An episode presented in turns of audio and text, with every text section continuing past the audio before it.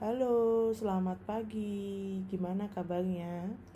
Kemarin pas UTS uh, eh, gimana? Lancar-lancar kan ya?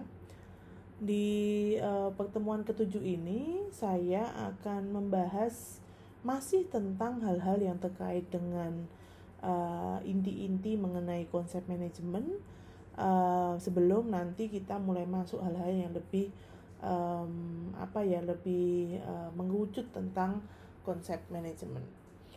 Uh, di pertemuan ketujuh ini saya akan memberikan materi tentang prinsip-prinsip manajemen.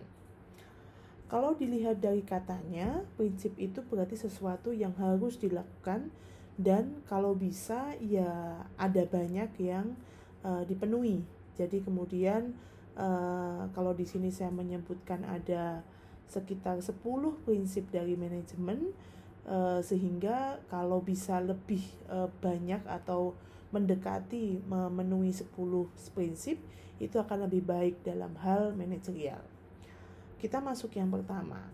Pertama adalah division of work atau uh, apa ya divisi-divisi dalam pekerjaan. Um, di sini menjelaskan bahwa kenapa pada dasarnya pekerjaan itu harus dibagi-bagi, harus dipisah-pisah. Karena bisa dilihat dari pertama, uh, orang itu memiliki keahliannya masing-masing. Orang itu memiliki pengetahuannya masing-masing, sehingga kita tidak bisa memaksakan uh, dia dimasukkan dalam sebuah tempat yang memang bukan pakarnya. Kalau dia orang keuangan ya dimasukkan dalam di bidang keuangan, jangan dimasukkan ke bidang IT. Begitu juga sebaliknya. Nah, uh, adanya pemilahan bagian ini membantu uh, orang-orang yang ada di uh, di dalamnya itu semakin mempercepat uh, kemampuan performanya. Jadi kalau orang ditempatkan di sebuah um, bagian yang tepat dengan kemampuan dia, dia akan lebih cepat berakselerasi dan dia menjadi lebih mahir atau jadi lebih expert. Nah, uh, sehingga uh, kita akan menemukan satu hal namanya spesialisasi yang pada dasarnya ini akan menunjukkan efektivitas dan efisiensi bagi perusahaan. Berikutnya adalah kedua itu adalah otoritas dan e, tanggung jawab. Di sini e, menunjukkan bahwa e, dalam sebuah organisasi dalam hal ini adalah manajemen kekuasaan atau otoritas itu adalah hak untuk memberi perintah mengenai hal yang terkait. Jadi kalau dalam struktur organisasi ada leveling atau uh, struktur atas bawah bos uh, manajer lalu kemudian bawahan berarti ada kekuasaan yang terkait dengan uh, tugas masing-masing. Nah, tapi orang yang memiliki kekuasaan itu juga memiliki tanggung jawab yang sama besarnya. Semakin besar kekuasaan itu akan semakin besar juga tanggung jawab yang dia miliki. Contohnya ketika CEO dia dengan mudah quote and quote dia memecat orang itu sama halnya dia juga punya tanggung jawab besar bagaimana sebuah perusahaan bisa berjalan sesuai dengan apa yang dia um, apa tuju di awal. Nah, itu ada kaitannya nanti dengan sustainability perusahaan, ada kaitannya dengan laba dan lain sebagainya. Berikutnya adalah ketiga unity of command. Unity of command itu uh, ses, uh, sesuatu yang kalau bisa itu satu kesatuan dalam melakukan sesuatu atau dalam memerintah. Um, bawahan itu harusnya menerima perintah yang kemudian bisa di bisa di apa ya bisa di, segera dilakukan. Uh, bawahan juga harusnya itu menerima perintah itu cukup dari satu orang bukan dari orang lain. Jadi kalau dalam struktur organisasi uh, ya dia bosmu, dia atasanmu, ya dia aja yang ngasih instruksi. Jangan dari uh, divisi yang lain, nanti akan malah ricuh seperti itu. Nah, unity of command itu adalah uh, menunjukkan bahwa sebenarnya perusahaan itu untuk melihat disiplin nggak sih sama struktur organisasi, apakah kemudian perusahaannya itu cukup stabil dan uh, cukup uh, eksis. Nah, hal ini yang kemudian membuat hubungan menjadi harmonis antara atasan dan bawahan. Jadi jangan dianggap bahwa ketika atasan kemudian bawah eh, ketika atasan selalu menyuruh bawahan itu menjadi hal yang memberatkan, justru sebaliknya ketika eh, um, bagaimana kalau sampai atasan tidak pernah menyuruh bawahannya. Nah, bawahannya jadi bingung ini mau kerja seperti apa. Sama halnya ketika suatu hal krisis nggak ada yang bisa dikerjakan itu menjadi hal yang um, menunjukkan bahwa perusahaannya tidak eksis. Nah, um, itulah kemudian kenapa unity of command ini menunjukkan bahwa um, um, perintah dari satu dari satu apa arah atau dari satu pusat itu menjadi sesuatu yang lebih bisa dilaksanakan um, menjadi lebih jelas. Berikutnya adalah unity of direction.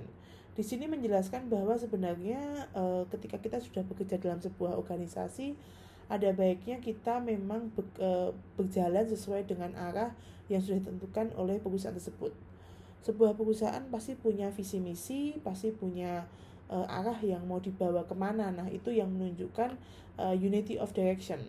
Jadi um, kita kalau mengarah ke hal yang sama uh, itu akan kemudian memudahkan sebuah uh, perusahaan untuk lebih cepat mendapatkan yang dia inginkan. Berikutnya adalah nomor 5 um, subordination of individual interest to the general interest. Jadi e, kalau kita melihat bahwa sebuah perusahaan pasti ini hampir nggak mungkin kalau nggak nggak mungkin kalau ad, e, tid, semua berjalan lancar pasti ada satu dua karyawan yang kemudian sering mengeluhkan satu dua dan lainnya kenapa sih arahnya seperti ini dan lain sebagainya sehingga ketertarikan sesuatu orang atau sedikit orang terhadap sesuatu yang kayaknya tidak ada kaitannya dengan tujuan perusahaan tidak perlu kemudian menjadi uh, prioritas kita semua. Kita harus fokus bahwa perusahaan sudah punya visi misi, sudah punya tujuan perusahaan sehingga kemudian kita uh, fokus pada hal yang sudah kita tentukan di awal. Nomor 6, equity. Equity ini artinya adalah kesetaraan. Kesetaraan artinya adalah di mana um, semua di, semua diberlakukan se, uh, setara, sama seperti itu. Nah, setara sama ini ada kaitannya dengan kombinasi kejujuran, kebaikan, dan keadilan.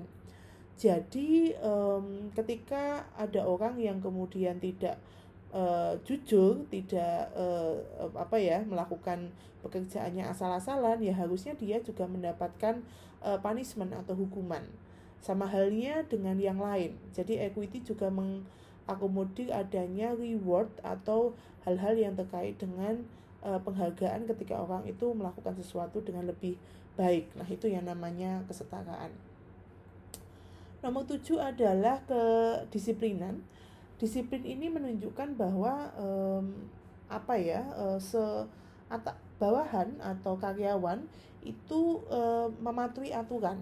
Dia benar-benar tulus bekerja dan kemudian um, mungkin di sini kata-katanya bukan respect pada kekuasaan tapi respect pada aturan yang kemudian uh, dia menjadi orang yang tahu batas uh, bagaimana dia berperilaku. Nah, uh, di sini juga menunjukkan bagaimana se, uh, suatu kondisi di mana atasan dan bawahan itu tahu uh, tahu batasannya termasuk kemudian mematuhi mana yang uh, mana yang sesuai dengan arahan dari atasan. Nomor 8 nomor 8 ini menarik tentang uh, inisiatif. Jadi um, banyak yang saya dengar ada perusahaan yang cenderung kaku, ada yang perusahaan yang cenderung uh, susah menerima um, apa ya, menerima ide atau opini dari bawahan.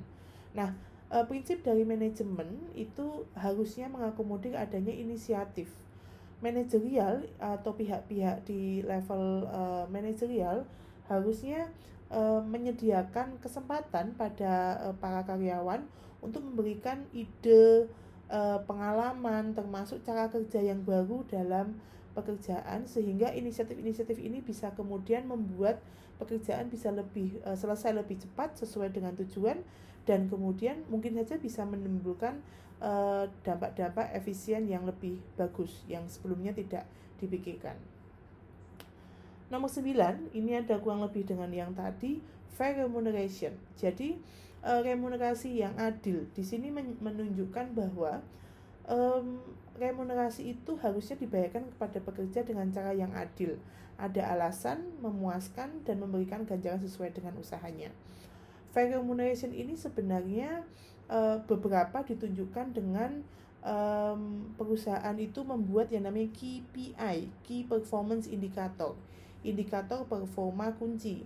Bagaimana dia menyelesaikan pekerjaan, apakah tepat waktu, sesuai target, dan dikerjakan dengan baik atau tidak. Uh, beberapa uh, menggunakan KPI ini dengan angka seperti halnya namanya IPK, tapi di sini kalau untuk dalam dalam dunia kerja itu memiliki dampak. Salah satunya adalah adanya bonus. Nah, bonus ini yang ada kaitannya dengan e, nilai tadi. Kalau nilainya bagus, contohnya nih kalau IPK 1 sampai 4, e, kalau dia nilainya 3,8 almost perfect, berarti e, ada sebuah hitung-hitungan angka yang kemudian dia mendapat e, angka bayaran yang lebih besar dibandingkan temannya yang mendapatkan IPK atau KPI itu mungkin di bawah 3. Nah, e, berbicara tentang fair remuneration itu bisa dua satu adalah tentang uh, bonus, um, ada kaitannya dengan kenaikan gaji juga, tapi juga ada kaitannya dengan kenaikan uh, status. Jadi bisa juga nanti berupa angka. Jadi oke okay, kamu ada tambahan gaji segini, ada juga mungkin gajinya tidak terlalu signifikan naik, tapi nanti dia dipromosikan di posisi yang lebih tinggi. Nah, remuneration ini yang kemudian menjelaskan adanya uh, apa ya penjelasan kenapa kemudian uh, pekerja itu harus dinilai secara lebih adil seperti itu. Berikutnya adalah esprit de corps. Esprit de corps ini um, apa ya sebuah perasaan sesuatu yang merasakan kebanggaan, mem mem memiliki sense of belonging, memiliki rasa memiliki dan kemudian loyal. Nah, uh, eh, SP The Corp ini sesuatu yang uh, kalau saya mengenalnya mungkin sesimpel internal branding. Jadi bagaimana karyawan itu bisa merasakan sesuatu yang dekat dengan dirinya dan e, itu akan dijaga. Jadi ketika dia bekerja di suatu perusahaan, dia tidak ingin kemudian e, menjelek-jelekkan dan kemudian dia berusaha menjaga nama baik perusahaan. Nah, itu yang kemudian uh, bisa ditunjukkan dengan dia bekerja dengan baik dia kemudian um, apa ya tidak menyebarkan rahasia perusahaan dengan se seenaknya dan lain sebagainya hal-hal hal-hal ini yang kemudian lekat dengan um, SP the Cops uh, 10 prinsip tadi yang saya jelaskan ini sesuatu yang harapannya uh, kurang lebih ada kaitannya dengan bagaimana orang bekerja dalam dunia uh, perusahaan atau uh, company um, di mana ketika orang bekerja dalam uh, dunia manajerial 10 prinsip ini harapannya bisa kemudian saling dikuatkan untuk kemudian bisa mendapatkan uh, hasil pekerjaan yang lebih memuaskan. Oke, itu dulu. Terima kasih.